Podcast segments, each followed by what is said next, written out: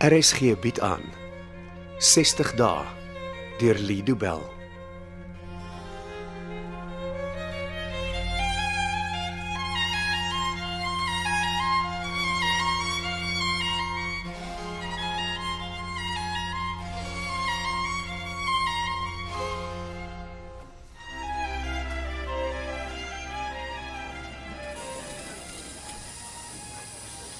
Allee. Ek het vir die barista gesê hy moet jou cappuccino lekker steek maak. Jy kan sien hy sukkel weer vanoggend om by te kom. Ek kon nie gisteraan aan die slaap raak nie. Wat pla jy dan? Isel, Karl se PA het my gister na werk gebel. Hy vrou werk oortyd. Sy het ook vir my gebel. Hoekom het sy jou gesoek? Sy wil vir my 'n afspraak maak met haar baas. Nee, Hoekom sou Karl jou wil sien? Ek weet nie. Hoekom het jy self vir jou gebel? Sy het erken dat Uh, dis jou selfoon wat lei. Miskien is dit weer jy self wat bel. nee nee nee, dis 'n onbekende nommer. Huh?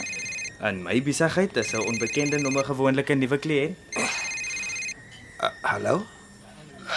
Dis dokter Kotse vir meneer Richard April. Kan ek met hom praat asseblief?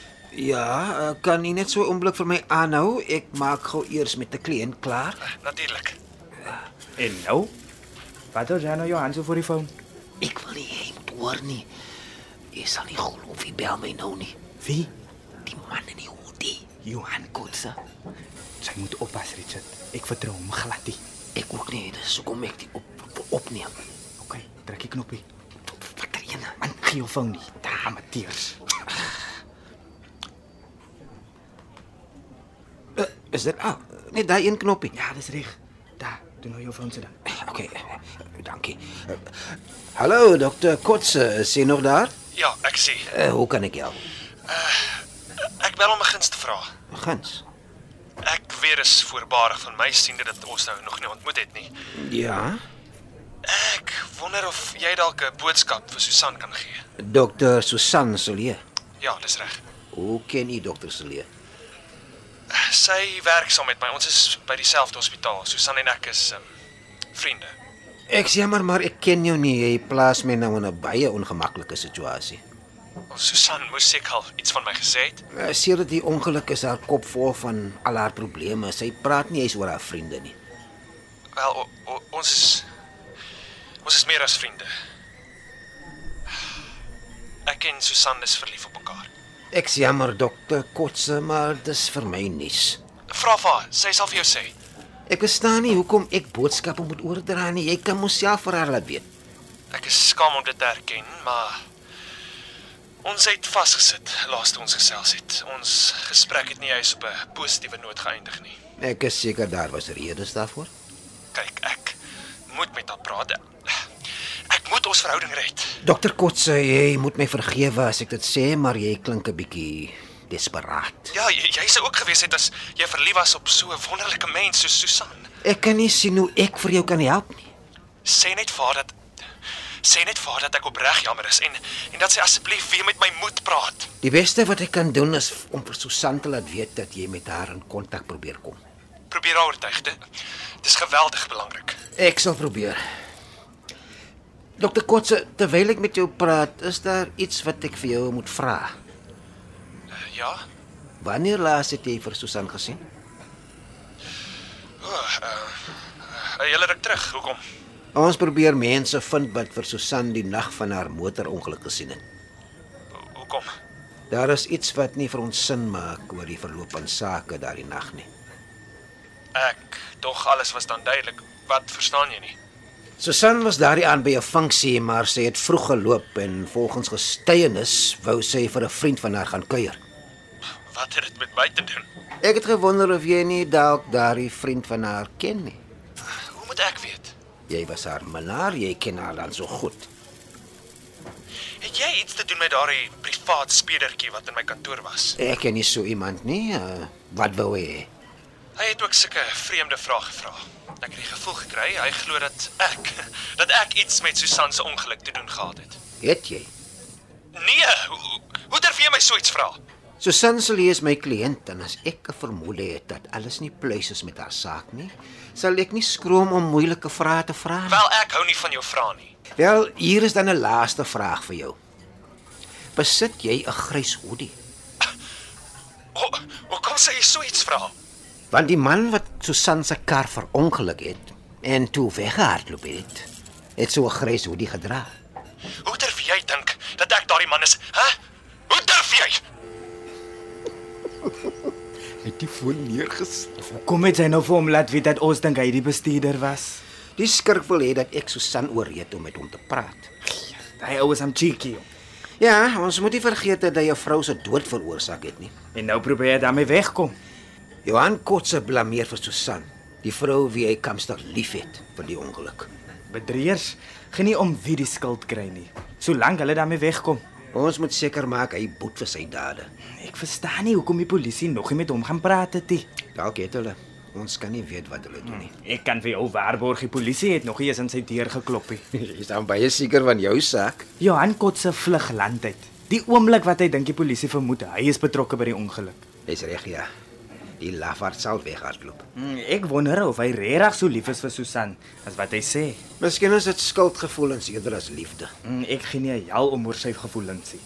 Dis tyd dat hy die verskoning van 'n man erken wat hy gedoen het. Ek twyfel dat dit skielik sal gebeur. Die beste wat ek kan doen is om vir Susan te waarsku. Jy moet haar sommer vandag nog laat weet. Sal ek vir ons nog 'n koffie bestel? Ah, nee, dankie, miskien later. Ek wil jou opinie hoor oor iets. Ja.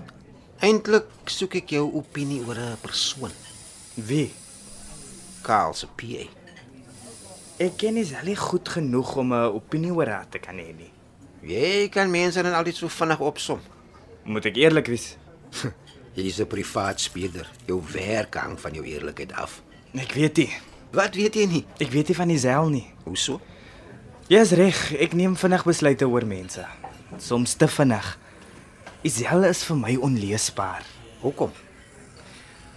Dis nie iets wat ek kan verduidelik nie, man. Is dit 'n goeie of 'n slegte ding? Mm, dit kan ek ook nie sê nie. Hoekom wil jy weet wat ek van haar dink? Ek wil weet of ek haar kan vertrou. Hoekom? Ek het vir jou gesê van die aand toe sy aan my en Tanya se woonstel deurgeklop het. Mm, ja, ek kon nou ja. Uh. Die volgende oggend het ek op kantoor aantekeninge in my dagboek gemaak. Isel het gevra dat ek dit doen om haar teen Karl te beskerm. Sy dink hy sal die blame op haar pak as iets fout loop. Ek het haar geglo toe sy vir my vertel het dat Karl al sy boekhoudwerk homself doen. Dink jy daar word gekonkel met die trustfondse wat onder sy toesig is? Ek weet nie hoe nie, die ouditeure het al twee keer al ons boeke geaudit. Mm, Daar's altyd 'n manier. En Karl is nie dom nie. As enige iemand dit kan regkry, sal dit hy wees. En nou die probleem met sulke bedrog wat jy van die een ou steel om die ander een te betaal, is dat dit nie vir ewig kan aanhou nie. Ek weet, een of ander tyd is die geld klaar. Dink jy het al so baie van hulle gesteel? Ek weet nie wat ek wel weet is dat hy self baie bang is dat sy vir Kaal se sonde sal moet boet.